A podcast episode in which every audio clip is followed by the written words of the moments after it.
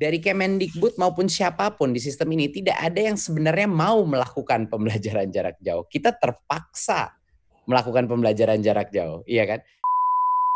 Guru yang baik itu bukan guru yang mungkin uh, angkanya tertinggi atau IPK-nya tertinggi atau yang paling pinter gitu. Hmm. Bukan, guru yang terbaik itu selalu guru yang mengutamakan kepentingan murid-muridnya dia.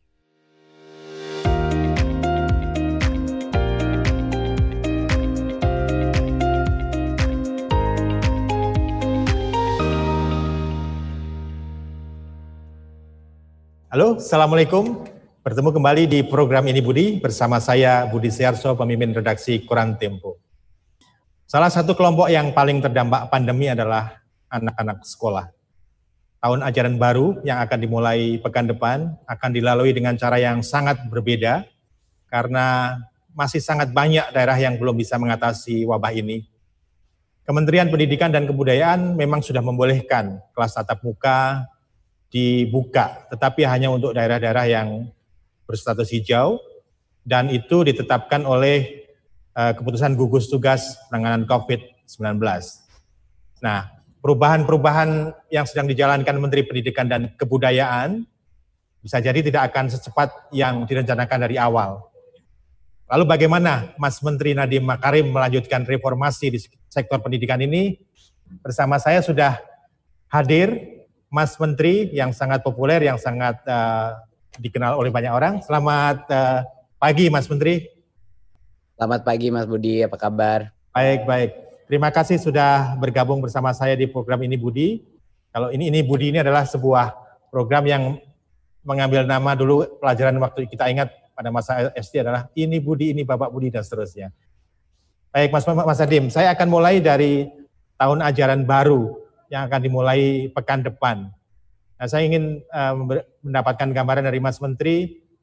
Uh, saya tahu beberapa waktu yang lalu Mas Menteri sudah datang ke Sukabumi untuk meninjau persiapan dari uh, kelas tatap muka yang uh, apa dilakukan dengan protokol kesehatan yang ketat.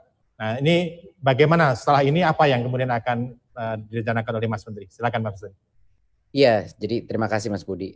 Jadi hmm. harapannya dengan sekarang ini ada sekitar 104 kabupaten yang sudah zona hijau yang bisa memulai uh, pendidikan uh, tatap muka, yeah. Ya. uh, tapi tentunya hanya untuk SMP dan SMA dulu ya. Uh, jadi kami mengutamakan dulu yang jenjangnya lebih dewasa, lebih lebih uh, tua, uh, agar untuk memastikan uh, uh, penjagaan jarak dan disiplin social distancing itu bisa terjadi ya. Jadinya baru dua bulan setelah itu terjadi baru uh, eh, SD diperbolehkan uh, terbuka, baru dua bulan lagi baru PAUD.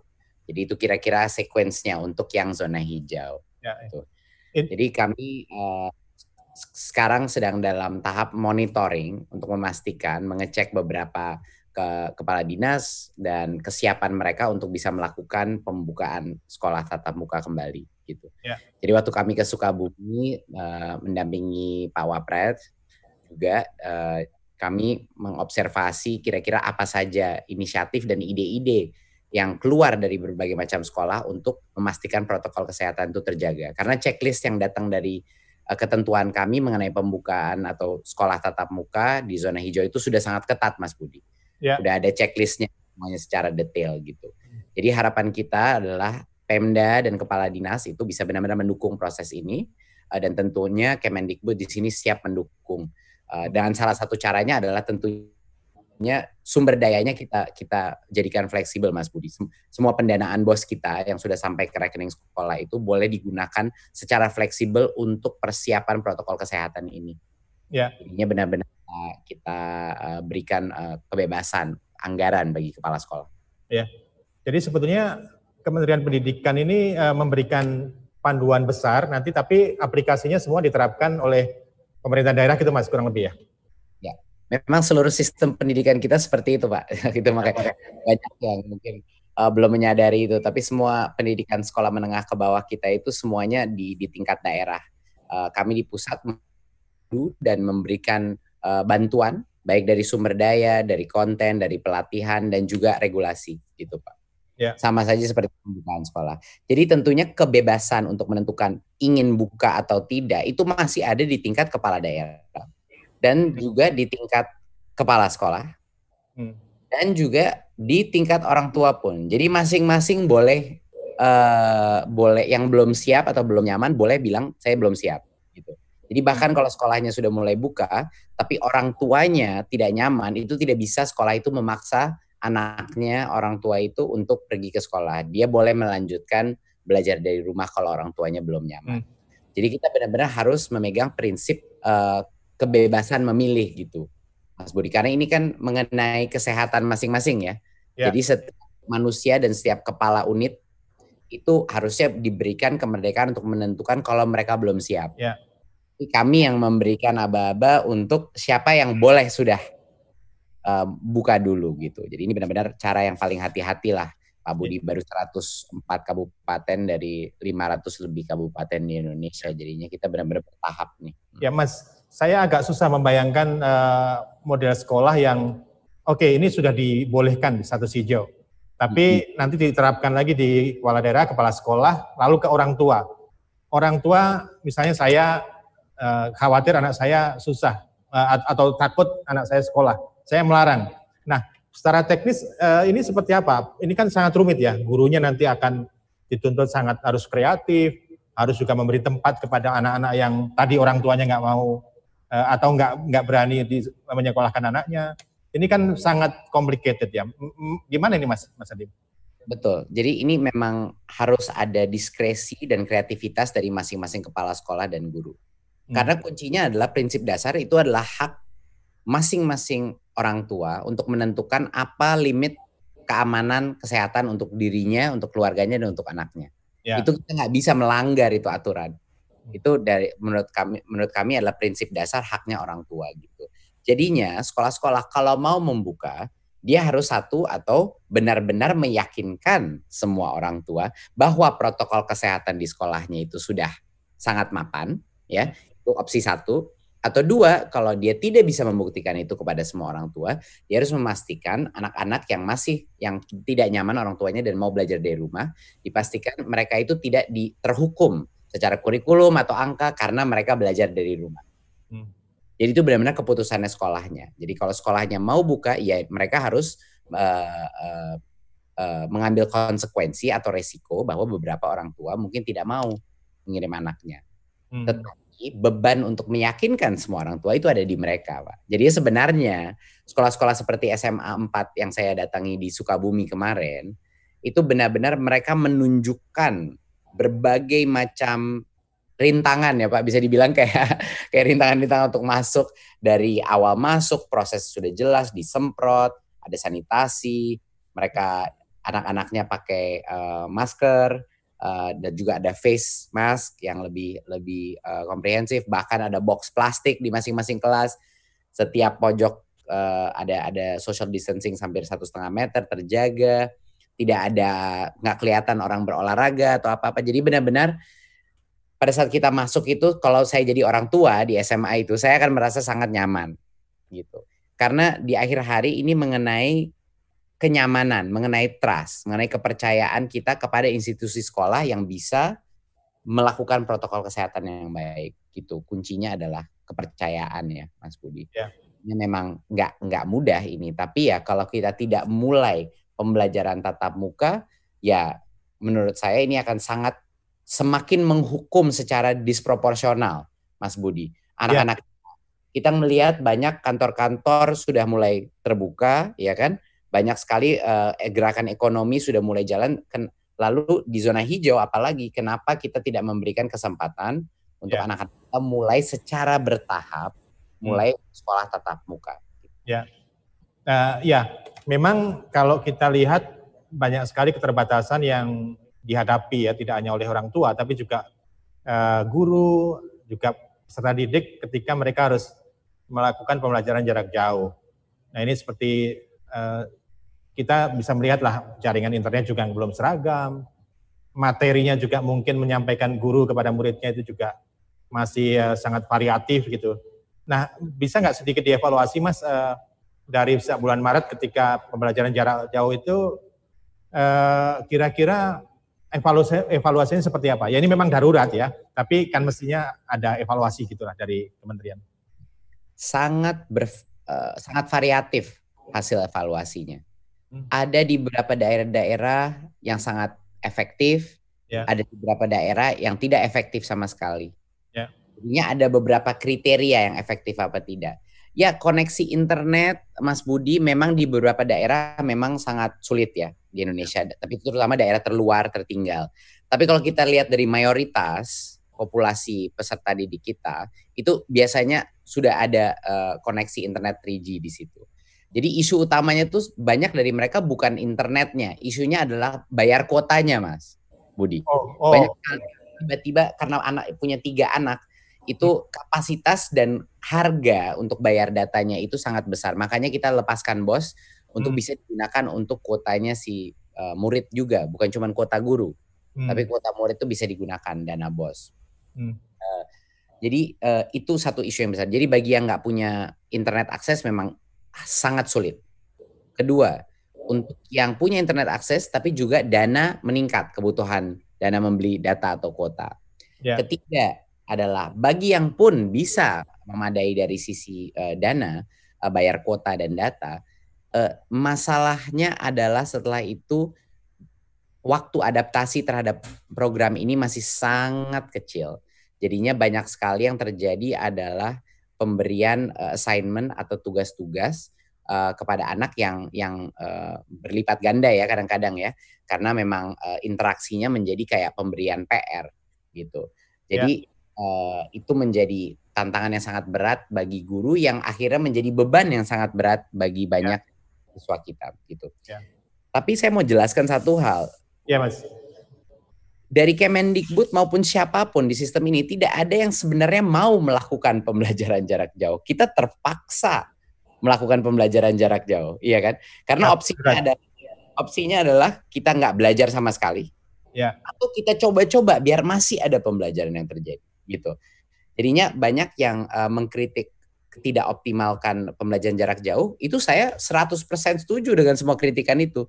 Tapi yeah. kita tidak punya opsi uh, yang lain pada saat ini. Kita harus mencari jalan masing-masing karena tidak ada satu platform yang cocok untuk satu sekolah.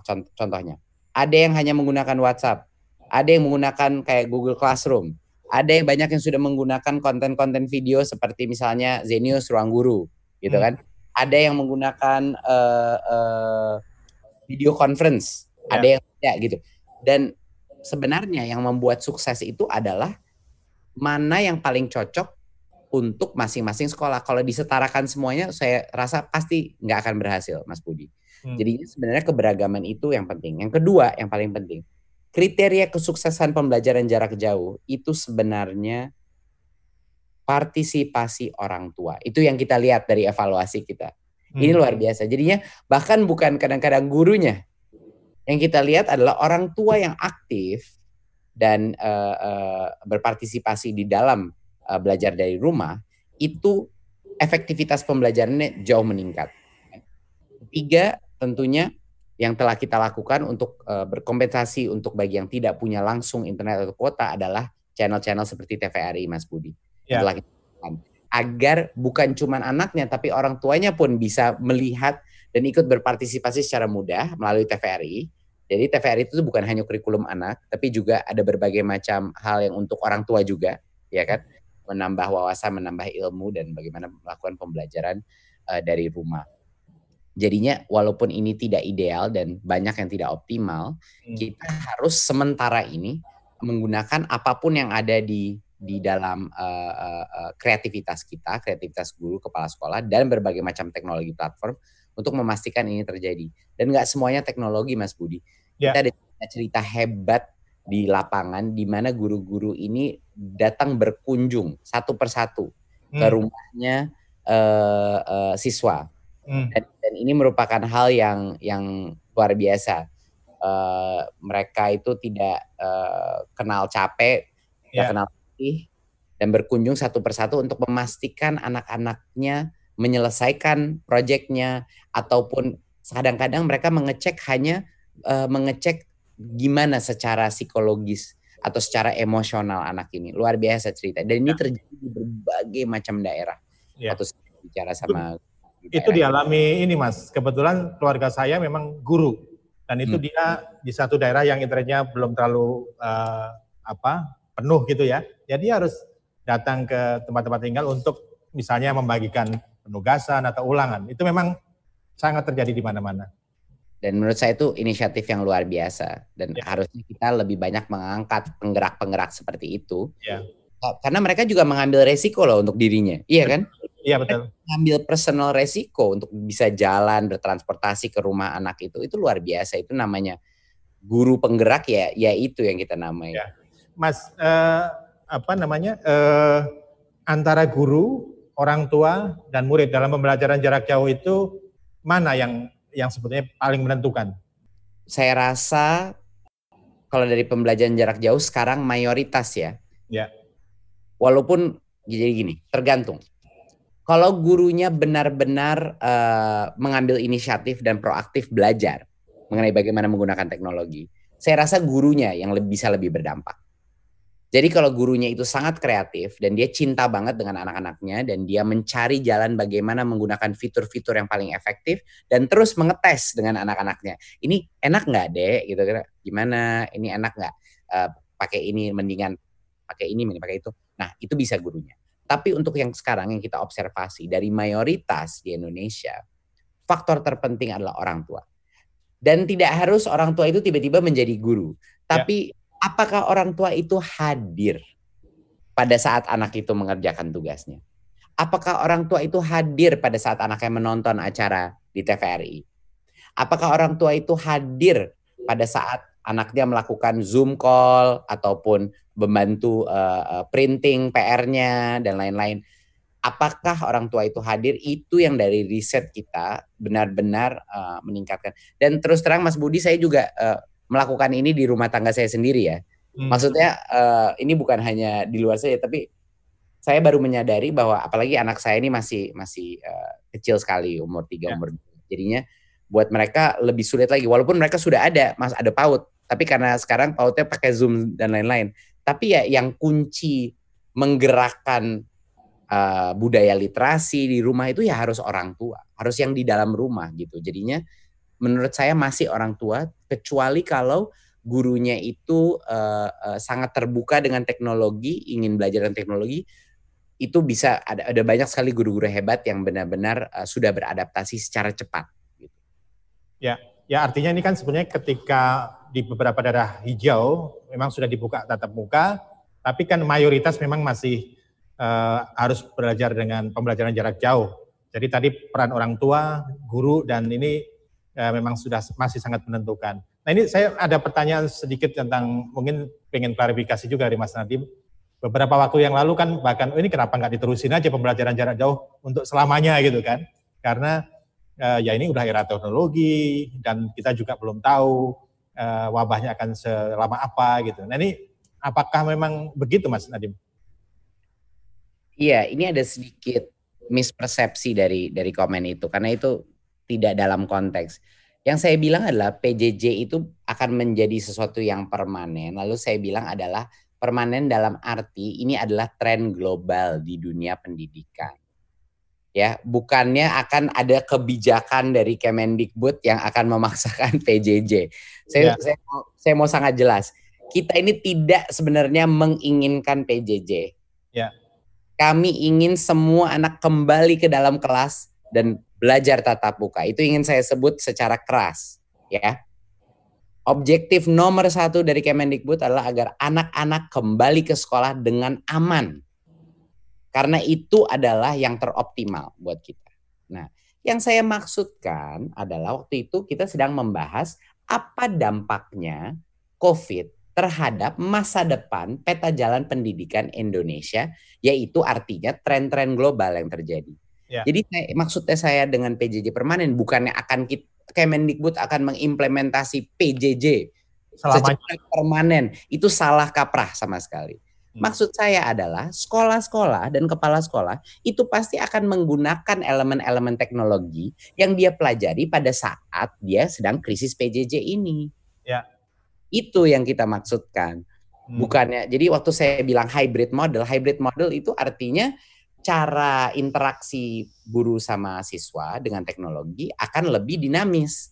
Jadi akan mungkin ada jenis interaksi-interaksi lain di pada saat dia di rumah, pada saat mengerjakan PR yang akan menggunakan platform-platform teknologi tertentu.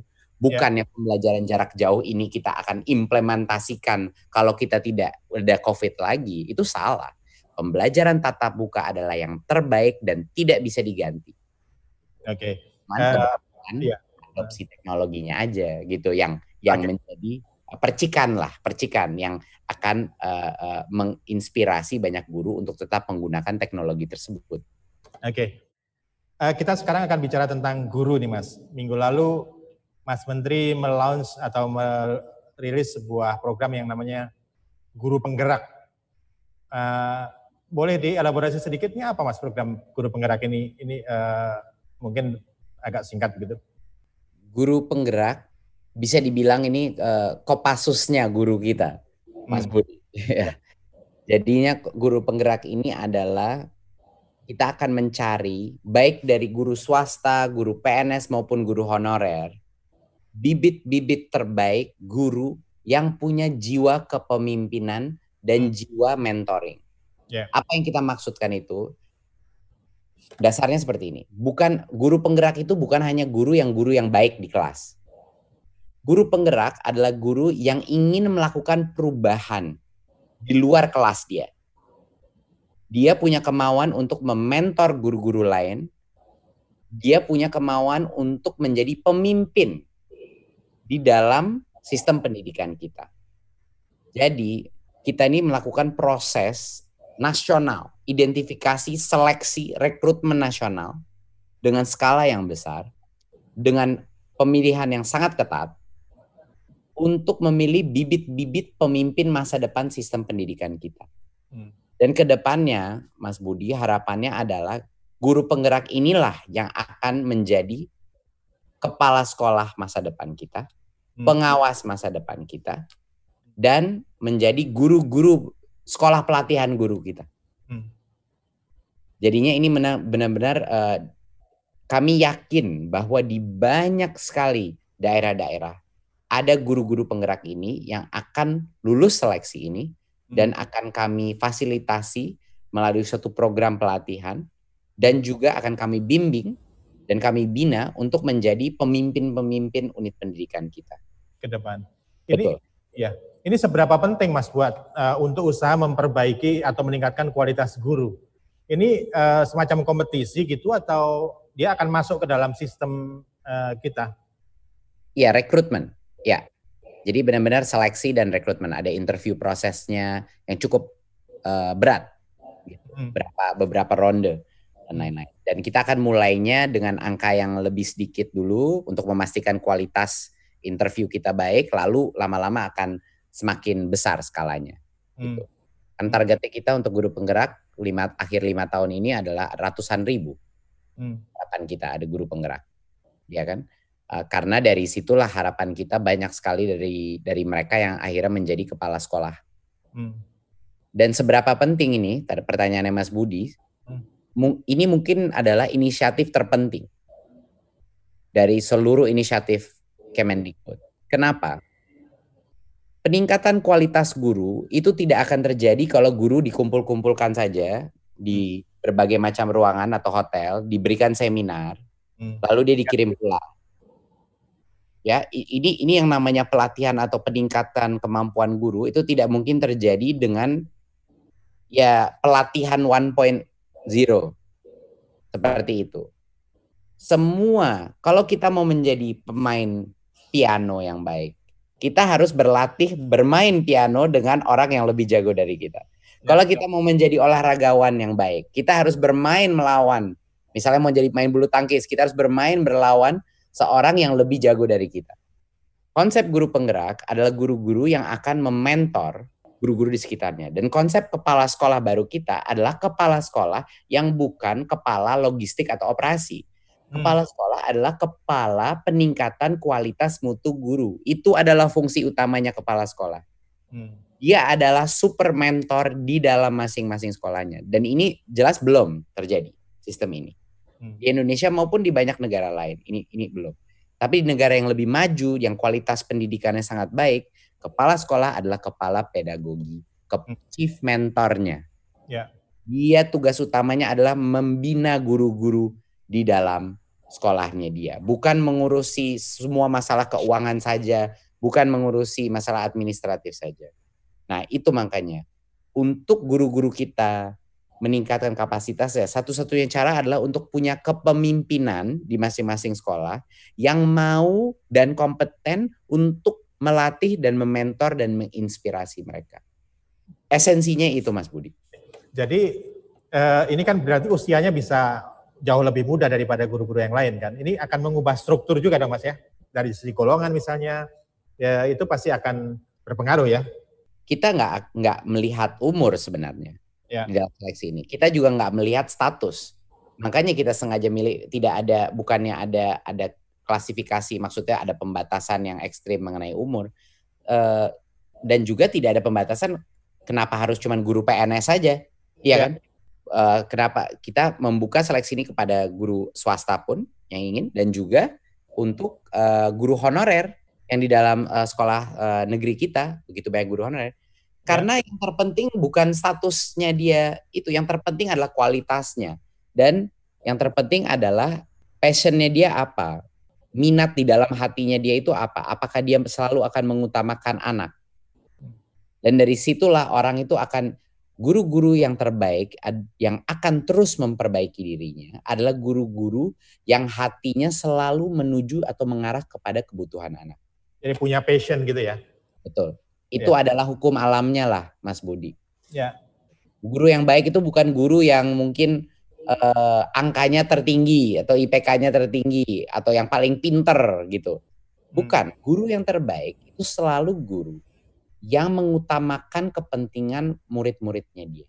Ya. Apa yang terbaik untuk murid-muridnya. Secara ya. otomatis dia akan mencari ilmu sendiri. Ya. Mas, kalau secara ini apakah mungkin dulu kan kita punya katakanlah di level SLTA itu ada SPG ya, Sekolah Pendidikan Guru, ada juga punya IKIP yang kemudian diubah menjadi universitas negeri itu. Apakah mungkin kita memproduksi guru yang punya kemampuan pedagogik yang lebih mungkin dibanding universitas umum melalui pendidikan-pendidikan khusus guru seperti dulu? Iya, saya rasa memang banyak yang kangen seperti masa lalu ya. Kita selalu mendengar ke banyak yang bilang dulu eh, ikip-ikip kita itu merupakan gue salah satu institusi-institusi terbaik. Dan memang ada ada benarnya juga. Tapi salah satu kita kan harus berpikir ke depan ya Mas Budi. Ya. Berpikir ke depan bagaimana kita menjawab kebutuhan kuantitas guru tapi juga kebutuhan kualitas guru. Dan untuk ini Kemendikbud harus mentransformasi kriteria seleksi masuk dan lulus daripada program PPG kita. PPG itu adalah program pelatihan guru kita. Jadinya anak-anak itu setelah S1, mereka diterima di program satu tahun, namanya PPG. Baru setelah itu sah menjadi guru, gitulah kira-kira. Hmm. Nah ini kualitas program satu tahun ini di seluruh Indonesia, kita akan melakukan transformasi dengan skala yang besar.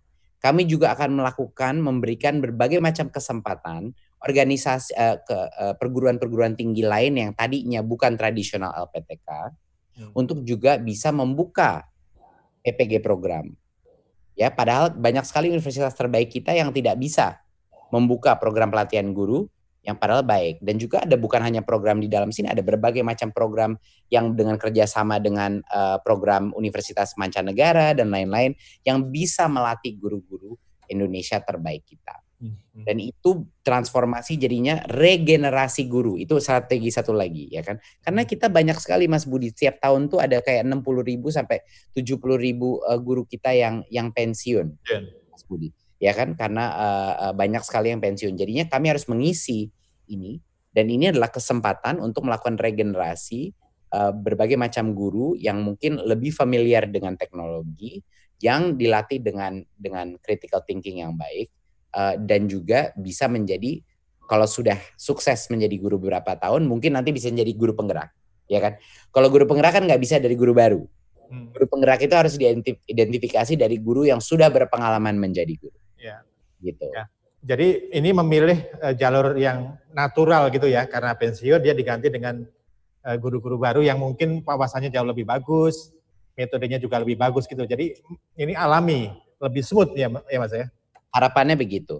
Ya. Karena kan kita tidak akan mungkin bisa mentransformasi seluruh sistem ini dalam waktu lima tahun ya Mas Budi. Ya, ya. Pasti makan makan waktu kalau kalau dilanjutkan akan makan waktu kira-kira 10-15 tahun lah.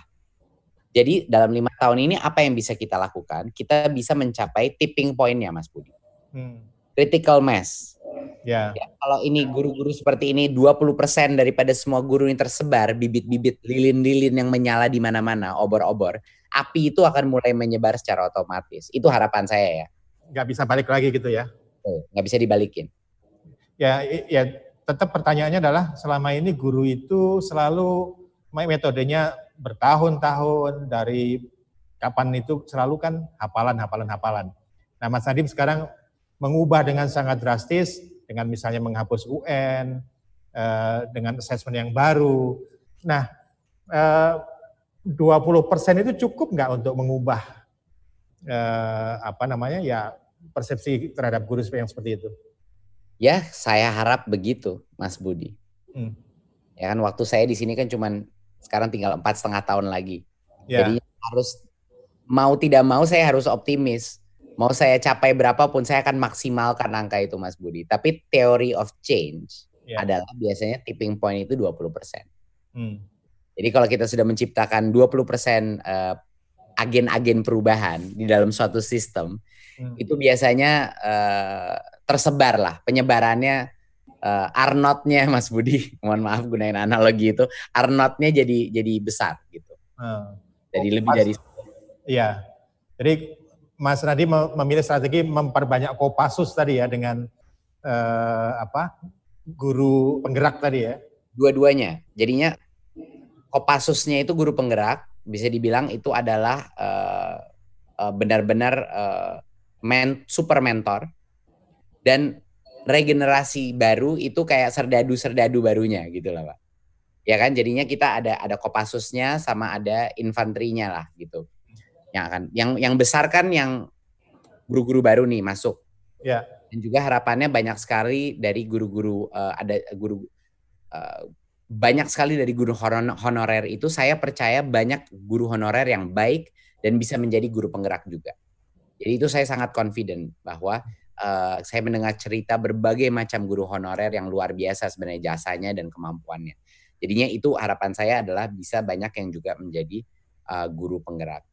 Jadinya hmm. dengan regenerasi plus kepemimpinan kalau kita mencapai tipping point 20% itu harapannya itu mulai menyebar Pak. Jadinya mau menterinya siapa, uh, presidennya siapa. Harapannya orang-orang itu sudah ada di tempat, Pak. Pada saat uh, kami pun udah misalnya saya udah tidak ada di situ, itu itu masih uh, berjalan gitu. Ya, ya. Ujung-ujungnya ya. manusia, Mas Budi. Ujung-ujungnya ini ini adalah kualitas SDM sama. Kualitas SDM kita ditentukan sistem pendidikan. Sistem pendidikan kita ditentukan kualitas SDM di dalam sistem pendidikan kita. Jadi mau nggak mau ini ini ini adalah suatu sistem change yang berdasarkan kual, jumlah orang berkualitas di dalam sistem itu, terutama dalam kepemimpinan. Hmm. Ya, ya. Uh, Mas ini dalam waktu awal-awal kepemimpinan Mas Nadim itu kan uh, memang ada, ada uh, sudah berapa beberapa peri, uh, beberapa uh, episode Merdeka Belajar. Tapi pandemi ini kan kemudian memaksa Mas Nadim untuk uh, ya banyak mereaksi atau merespons situasi darurat kan ini. Yeah. Nah, eh, bagaimana ini pengaruhnya terhadap rencana-rencana besar yang di awal Mas Mas Menteri eh, rancang melalui tadi program Merdeka Belajar? Iya, ada ada ada dukanya, ada sukanya. Yeah. Jadi terus terang ya kita kita bermulai dengan proses perubahan transformasi itu Merdeka Belajar itu sangat cepat awalnya. Uh, jadi cukup sedih waktu kita melihat kondisi COVID ini di mana berbagai macam aktivitas ya tentunya pasti tertunda, ya kan, anggaran terpotong, ya, uh, secara drastis, uh, ya tapi kita kita di Kemendikbud adalah ya pasukan yang yang selalu siap menghadapi krisis, uh, Mas Budi. Jadi kami itu melihat adanya krisis seperti itu ya kita lakukan apa yang bisa kita lakukan dalam waktu yang bisa kita lakukan dengan sumber daya yang kita punya gitu. Nah, jadi memang dari sisi itu cukup sedih bahwa kita tidak bisa uh, secepat yang kita inginkan untuk melaksanakan semua ini. Kedua yang sedih juga adalah bahwa banyak sekali anak anak-anak kita yang tertinggal dalam pembelajaran jarak jauh ini yang sebenarnya uh, semakin tertinggal dan dan sulit sekali untuk bisa melakukan walaupun sudah ada TVRI, sudah ada dana bos yang membantu tetap saja di berbagai macam daerah masih pembelajaran itu ya tidak terjadi gitu loh untuk saat ini. Jadi bagaimana mengembalikan mereka ke sekolah jadi itu juga bikin saya sedih gitu. Hmm. Tapi ada beberapa titik yang terang daripada krisis ini. Yang pertama adalah belum pernah dan tidak akan ada senario di mana begitu banyaknya guru, kepala sekolah, orang tua men men mencoba-coba platform teknologi seperti sekarang. Belum pernah. Dan mau keputusan pemerintah apa pun tidak akan mungkin mendorong adopsi teknologi seperti sekarang. Ya. Seperti COVID gitu loh. Terpaksa COVID. semua ya. Betul. Jadi itu adalah suatu hal yang walaupun kita semuanya keteteran, kesulitan beradaptasi dan uh, dan banyak yang mungkin kesulitan mendapatkan akses, tetap aja ini kita tidak akan pernah melihat di dalam sejarah kita adopsi teknologi seperti ini. Gitu. Jadi itu itu nanti akan benefitnya bukan sekarang, benefitnya akan ke depan. Hmm. Saat berbagai macam guru yang masuk beradaptasi, mencoba hal-hal baru dengan teknologi sehingga mengoptimalkan face to face learning dia. Hmm. Itu satu. Hmm. Kedua adalah uh, menurut saya ini ini ini bukan hanya Kemendikbud tapi menurut saya seluruh pemerintahan pusat juga dan pemerintahan daerah. Covid ini telah menunjukkan betapa banyaknya penghematan yang bisa kita lakukan dengan teknologi. Ya. ya anggaran yang bisa kita hemat yang kita tidak gunakan untuk uh, perjalanan dinas, untuk meeting, hmm. untuk training tatap muka, yang kita bisa gunakan untuk program-program prioritas kita hmm. untuk stakeholder kita. Dan itu merupakan suatu kesadaran yang luar biasa. Jumlah uang yang bisa kita hematkan, contoh dari belajar uh, bekerja dari rumah, Mas Budi. Ya. Dan kita bisa mendapatkan efisiensi itu, itu merupakan suatu wake up call ya, bisa dibilang suatu uh, uh, menurut saya sangat positif untuk menyadari bahwa pemerintah ini bisa jauh lebih efisien. Hmm. Ya, itu akan berdampak kepada efisiensi anggaran kita ke depannya. Hmm. Ya kan? Bahwa kita nggak akan kembali lagi seperti gaya lama ya pemerintah nih ya terutama ya, ya. gitu. Itu ada positifnya. Dan mungkin satu lagi yang positif adalah dampak seperti uh, peran orang tua Mas Budi. Ya. Belum pernah nih uh, kita melihat jumlah orang tua yang pertama kali melihat silabus sekolah. Itu ya, ya. pasti ini pasti ini banyak sekali orang tua. Kenapa? Ya orang tuanya harus muter otak juga gitu. Iya karena biasanya kan orang tua uh, kerja anaknya ke sekolah balik ya mungkin dibantu PR mungkin tidak ya kan? Ya. tapi sekarang orang tua itu di rumah terpaksa melihat kurikulumnya. Jadinya partisipasi orang tua semacam dipaksa dan juga akhirnya mereka sadar betapa sulitnya mendidik anak itu dalam pendidikan ini ya. Ya, Mas kalau uh, apa namanya menurut Mas Nadim dengan ini kan generasi yang sangat pasti sangat berbeda dengan generasi-generasi normal ya ketika uh, kita semua dihantam dengan situasi darurat. Hmm. Uh, ya ini analisa menurut Mas Nadim ini akan mempengaruhi nggak dalam jangka panjang terhadap generasi eh, peserta didik sekarang ini, baik yang masih di SD, SMP maupun yang udah kuliah gitu? Menurut saya pasti ada dampaknya. Seberapa besar dampaknya kita tidak akan sangat sulit mengetahui sampai beberapa tahun ke depan.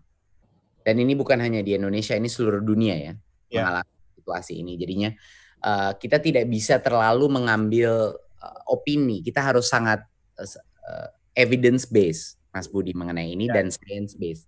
Jadi kita harus melakukan berbagai macam riset untuk mengetahui apa sih sebenarnya dampaknya krisis selama satu tahun ini harapannya ya mungkin enam bulan satu tahun uh, itu dampak apa kepada generasi hmm. dan apakah bisa terkejar apa tidak setelahnya itu adalah pertanyaan-pertanyaan yang tidak bisa dijawab sekarang ya. itu membutuhkan riset yang dilakukan secara bertahap bertahun-tahun hmm. untuk melihat dampaknya uh, kohort ini. Karena jangan lupa semua mengalami isu ini dalam semua jenjang kan. Ya. Jadi mungkin dampaknya di jenjang mana juga berbeda-beda, Mas Budi. Betul. Gitu. Iya ya. Oke, uh, saya akan kembali sedikit. Jadi Mas Nadim di awal uh, beberapa waktu kan ya berjalan dalam situasi normal, empat bulan terakhir dalam situasi darurat. Uh, kalau boleh menilai kinerja Mas Nadim sendiri gitu ya, ya tentu saja dikaitkan dengan kinerja kependidikan secara keseluruhan. Uh, penilaian Mas Nadim seperti apa? Menurut saya, saya tidak berhak menilai kinerja diri saya sendiri. Ya. Yang bisa menilai kinerja saya hanya dua. Satu Pak Presiden, dan yang kedua adalah masyarakat Indonesia. Ya kan, itu adalah dua penilai kinerja saya gitu. Ya. Jadi untuk membilang saya bisa menilai kinerja saya ya kalau saya sih selalu tidak puas. selalu saya sudah saya waktu pertama kali uh, berbicara sama semua eselon satu saya ya selalu jawabannya adalah ya saya memberikan peringatan kepada mereka saya itu kalau kerja memang nggak akan pernah puas. Jadi jangan harapkan saya pernah bilang puas gitu. Hmm. Tapi yang terpenting adalah kita memberikan segala-galanya untuk bisa menghasilkan ini. Kita nggak harus putus asa. Kadang-kadang di pemerintahan tuh banyak sekali yang yang membuat kita frustrasi, Mas Budi. Ya, apa misalnya? Wah, banyak birokrasi, administrasi, regulasi, ya kan ada berbagai macam hal. Uh, uh, menjadi uh, uh, profil yang sangat publik, ya kan, di mana berbagai macam hal keputusan yang berat yang harus kita lakukan itu pasti ada orang yang tidak setuju. Bagaimana menghandle itu? Itu kan bagi saya dan tim saya itu merupakan tekanan yang sangat tinggi gitu. Ya, Jadi ya. Esensinya adalah terus aja berjalan. Itu yang terpenting. Jadi hmm. saya selalu bilang sama tim saya kita terus aja berjalan, nggak apa-apa.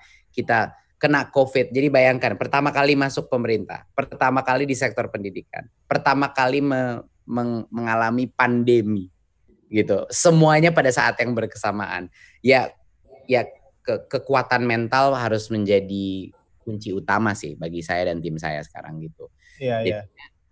Untuk jawab menjawab Mas Budi, kiner, masalah kinerja itu ya kalau kami sih selalu merasa kita harus selalu lebih baik dan merasa selalu banyak sekali yang perlu kita perbaiki gitu.